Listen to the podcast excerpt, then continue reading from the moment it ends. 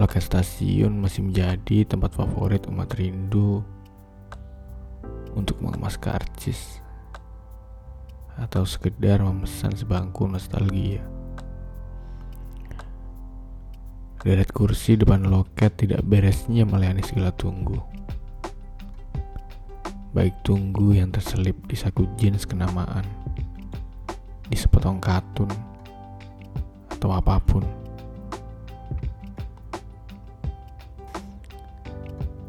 Di tengah baris kursi, kepalan tangan agak berkapal dan lebabnya berlebih. Sedang coba membuat tenang satu tiket rindu yang tampak cemas dan agak lecek.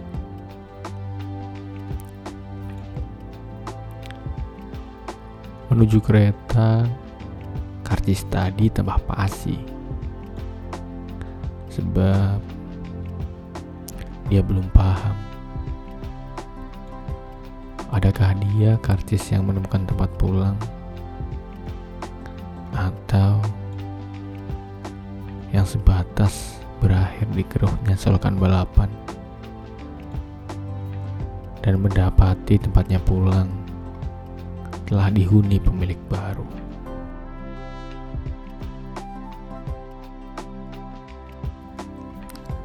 Uh, masih di eskapis dan uh, masih bareng aku Zen yang tentu saja masih pengen kabur juga ya. Kabur dari eh, mas-mas kabupaten yang suka tiba-tiba ngajak ngobrol ya, di gerbong kereta. Oh, pasti dong pernah nemuin dong aduh. Ya gimana ya mungkin ya. Memang orang ekstrovert nih kadang-kadang suka ini ya menimbulkan masalah baru buat ini para pendiam gitu. Agak nyalahin sih tapi ya ya gitulah. Sering kita temuin. Nggak apa-apa sih cuma emang aku malas ngobrol gitu. Uh, iya itu tadi uh, ini ya apa namanya openingnya sesekali rada beda gitu. Jadi tadi aku buka pakai uh, puisi yang tentu saja uh, apa namanya itu adalah stok lama ya. Kelihatan kan dari ya bisa dilihat itu dari isinya. Masih ngomongin loket gitu. Antrian. Ya bisa disimpulkan kalau puisi tadi itu ditulis sebelum aku install KAI Access uh, ya soalnya kan udah nggak wah motor tay males nih kalau siang-siang kayak gini. Semalam ketiduran ya, ngantuk. Dilema juga tuh. Mau dipaksain rekaman apa tidur dulu? Rekaman banyakkan nguap juga kayaknya ya. Males juga ngeditnya gitu. Tapi tadi kalau siang-siang banyak motor lewat sama sebenarnya males ngeditnya. Tapi ya udahlah ya hiburan kali biar isinya rada beda itu ada.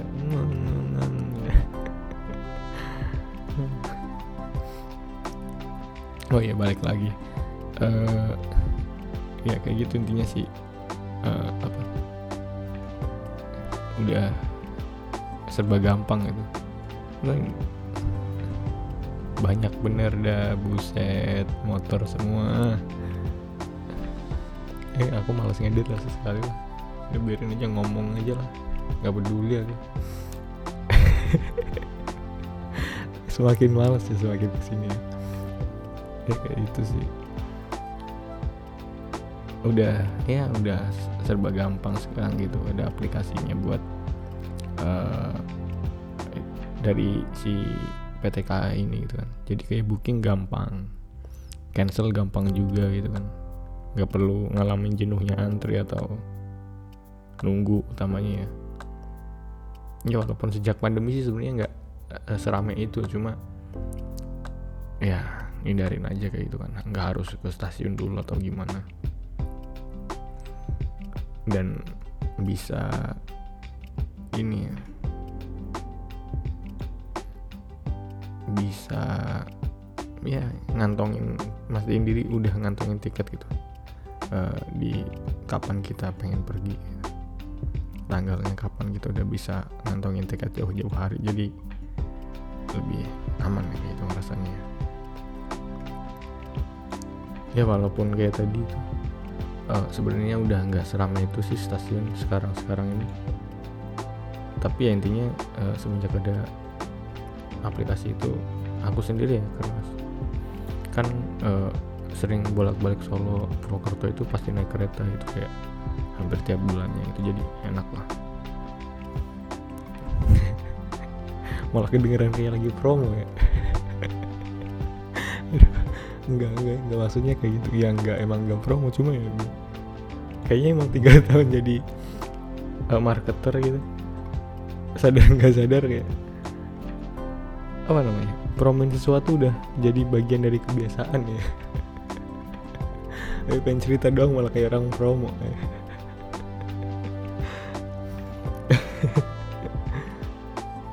Ya ini.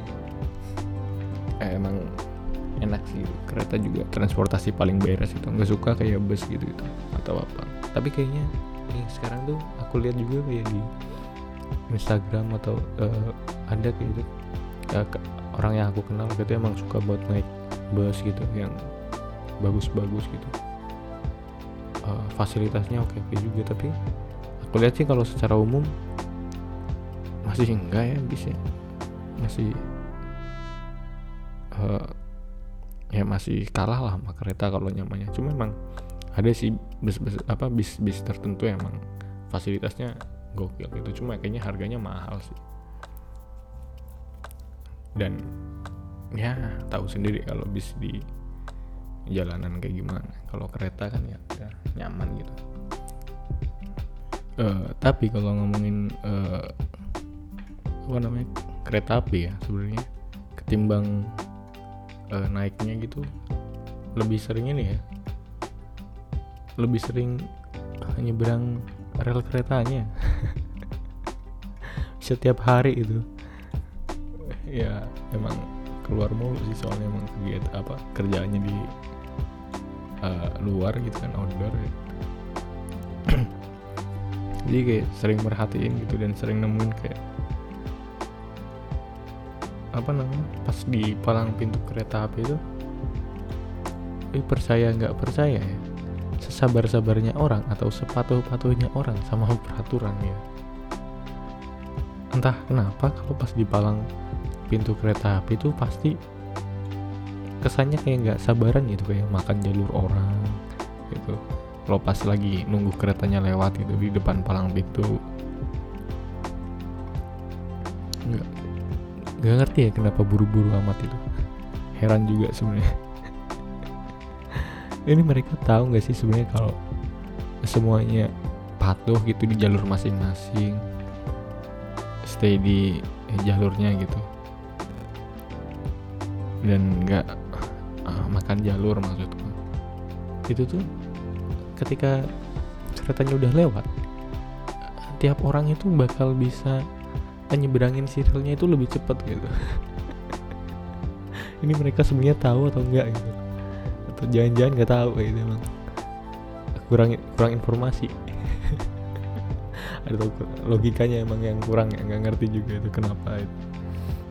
Ngapain gitu harus deket-deket di palang pintu itu palang pintu kereta. Ya namanya palang pintu sih cuma kan di palang pintu kereta api nggak ada yang saling lempar pantun ya ya udah sih gitu. Ngapain gitu? Kan gak harus sedekat itu juga. Gitu. Apa? Sama si palang pintunya itu iya kan gak kayak palang pintu di nikahan Betawi gitu.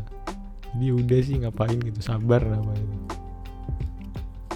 emang orang-orang model begini tuh kayaknya juga nggak cuma di uh, palang pintu kereta api ya. Orang-orang yang mindfulness of othersnya itu kurang gitu. Di keretanya pun beberapa kali sering ya aku temuin gitu kayak yang uh, ya hal-hal sepele kayak penumpang yang mau naik ke kereta tapi nggak ngasih jalan duluan ke yang mau turun gitu kan. Itu kan malah bikin lama gitu. Udah sih seberapa lama sih orang mau turun kasih jalan dulu gitu atau kayaknya nungguin orang turun nggak bikin kita nyampe ketinggalan kereta kan gitu. Justru kalau kita maksain naik kan malah jadi lama kan. Toh mulai seberapa lama sih orang turun gitu? Bukan turun malah itu hitungannya. Loncat. Soalnya yang turun kadang-kadang jarang gitu. Di dapat tangga itu jarang deh jadi dihitungnya loncat deh. Paling sedetik gitu udah sabar sabar dikit itu. Nggak nggak ada ruginya juga itu maksudnya. Terus ada ada lagi kalau yang gerbongnya ekonomi ya. Nah ini kita pada rebutan posisi kaki gitu. Itu yang eh, tempat duduknya ada pada depan gitu. Ya nggak nyalahin sih kalau itu emang eh, gerbong ekonomi emang sempit sih itu terutama kalau yang kakinya panjang gitu kasihan gitu kayak panjang kayak napasnya Ag- Agnes Monica ya. Aduh. Terus ini yang paling parah ini ada yang asal duduk gitu nggak sesuai sama nomor kursinya di tiketnya gitu. Yang kalau kita kasih tahu malah marah-marah gitu nyuruh kita nyari tempat duduk lain kok bisa ya? kok bisa ya? salah ngeyel dan sepede itu ya? maksudku loh sadar diri gitu loh maksudnya ya udah sih gitu memang bukan kursimu gitu ketika kita kita kasih tahu ya udah oh iya tinggal bilang oh iya maaf gitu doang udah pindah gitu udah kan kelar gitu tapi kok bisa malah marah nggak ngerti lagi. Masih sering ya beberapa kali ditemuin lah. Kalau yang udah nggak ditemuin itu ya calo misalnya pedagang asongan itu emang udah udah lama banget sih kayaknya nggak ada gitu. Soalnya kan aku pas kecil juga sering naik kereta gitu kan ya. Eh, karena ada saudaraku yang emang tempat tinggalnya jauh gitu di luar kota. Dan sering ke sana gitu jadi eh, masih eh, ada sedikit memori lah tentang ya, stasiun pas zaman kecil gitu SD atau apa itu.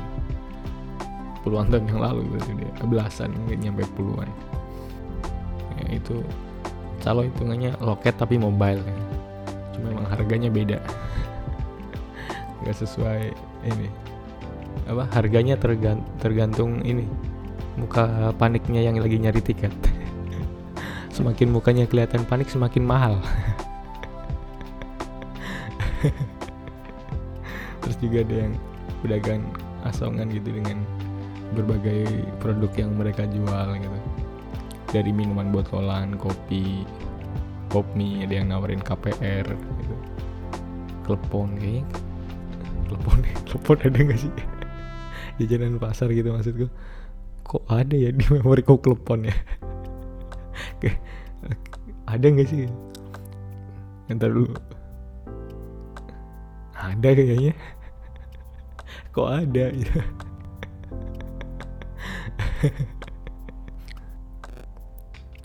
Eh, yang masih kita temuin dari nuansa kereta lama di kereta yang sekarang itu di kalau di dalamnya itu adalah kursinya yang bentuknya letter T kebalik gitu tahu nggak sih itu yang di gerbong ekonomi itu tahu kan yang yang yang lurus gitu loh lurus banget ya. heran ya. kayaknya emang petinggi-petinggi di KAI itu emang demen banget sama huruf T gitu. aku sendiri heran gitu kayak nggak ada huruf lain gitu kan iya jadi kalau kira-kira perjalanan jauh lama gitu mendingan bayar eh, lebih mahal dikit sih ketimbang harus di eh, harus duduk di eh, huruf T kebalik gitu. Bukan apa-apa gitu. Soalnya kayak aku tuh ngantukan gitu. Dan kalau di, di kereta itu pasti tidur pasti itu. pasti tidur. Nggak tahu enak mati tidur di kereta. Dan masalahnya selain uh, lehernya pegel gitu ya kalau uh, eh, tidur di bangku itu di kursi itu. Itu tuh kita ini loh kalau ketiduran nggak bisa ngontrol ini ke mana arah badan kita akan condong pas ketiduran gitu. Iya dong pasti ngalamin kan. Kalau di kursi yang tegak itu kalau ketiduran kadang-kadang badan kita miring ke kanan atau ke kiri gitu nah itu tuh males yang sebenarnya lebih uh, bikin males daripada leher pegel ya itu gitu terus kita pas ketiduran terus condongnya jadi ke arah jendela sih aman ya gitu ya nggak nggak ada masalah gitu. nah perkaranya adalah ketika kita ketiduran dan uh, badan kita itu pas jatuh condongnya ke arah penumpang lain gitu.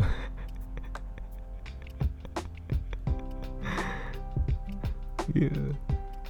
Selain gak enak kan karena uh, bikin uh, karena takut bikin penumpang itu risih gitu.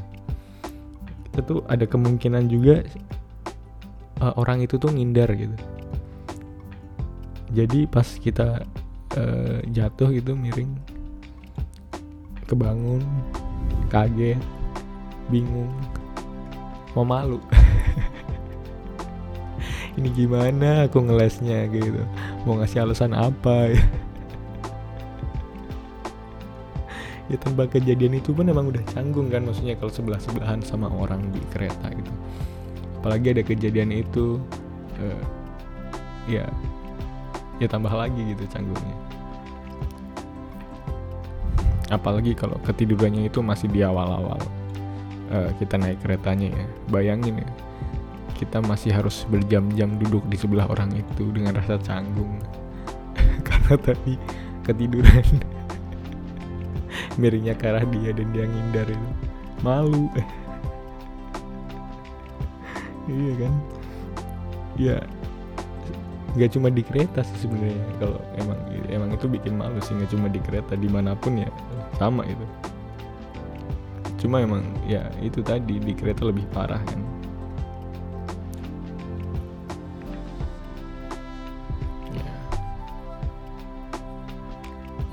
ya ya itu sih.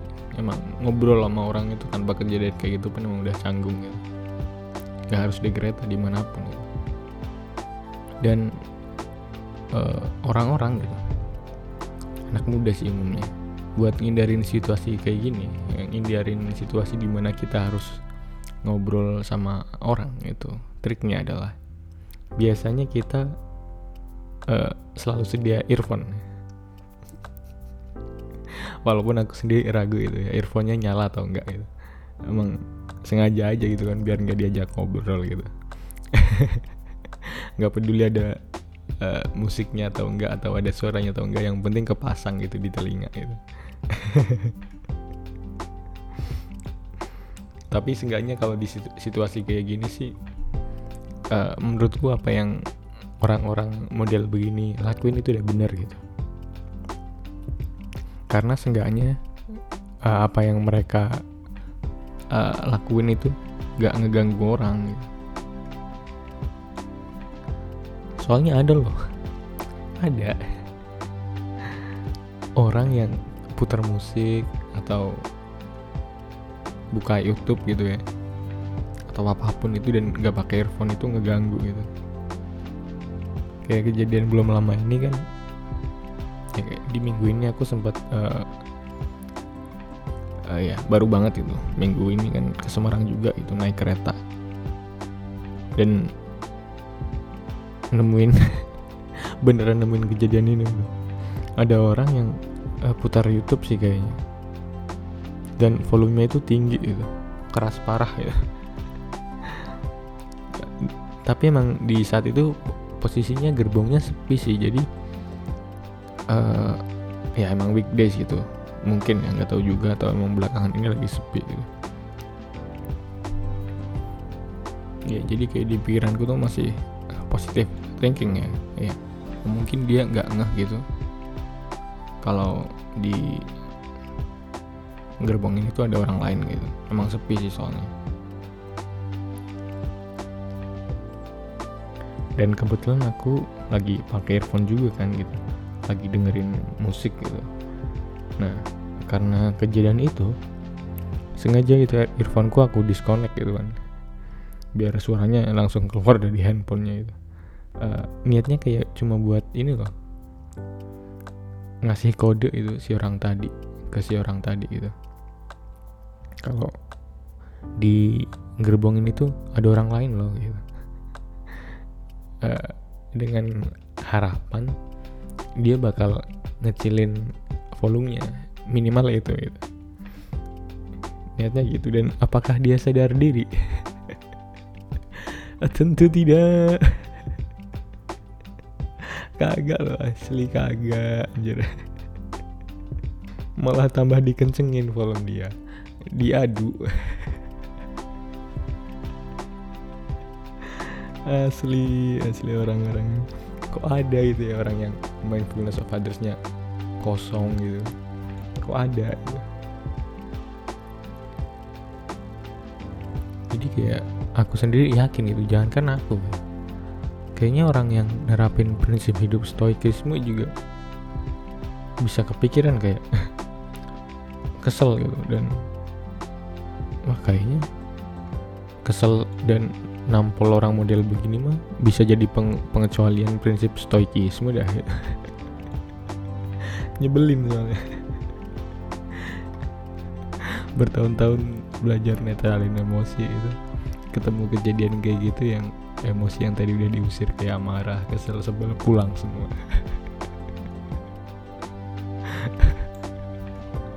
Ya sih tapi emang ini udah uh, apa sih Zeno, Epictetus, Seneca gitu-gitu kan yang ngenalin prinsip hidup stoikisme kan emang di zamannya belum ada kereta. Jadi ya pas ngenalin prinsip hidup ini stoikisme itu jadi nihil kendala juga kan gitu. Coba udah ada Joglo Semarkerto kan zaman mereka. Bingung juga itu. Ini sebenarnya prinsip hidupnya berlaku nggak ya gitu. Aduh. Terus jadi penasaran kan jalan deh aku ke arah suara tadi itu pura-puranya mau ke ke toilet ini untuk pertama kalinya aku ke toilet tapi nggak kebelat kencing ya ya penasaran soalnya gitu. Siapa sih gitu loh dan ternyata itu tuh si petugasnya itu loh yang pakai seragam biru itu. Yang kayaknya emang tugasnya ini loh jaga keamanan sama ketertiban di kereta gitu. Tapi mohon maaf. Hei anda. Tugas anda emang nertibin kereta ya. Tapi kalau udah tertib jangan dibikin gaduh mohon maaf. Kesel banget. Kok bisa gitu? Aneh aneh. Jadi ada saran buat eh, PT KAI ya kalau pas rekrutmen uh, karyawan baru itu minta uh, pastiin selain uh, dia memenuhi kualifikasi buat masuk kerja dan menjadi bagian dari organisasi kalian minta tolong ya. Pastiin juga. Dia punya earphone itu kesel aja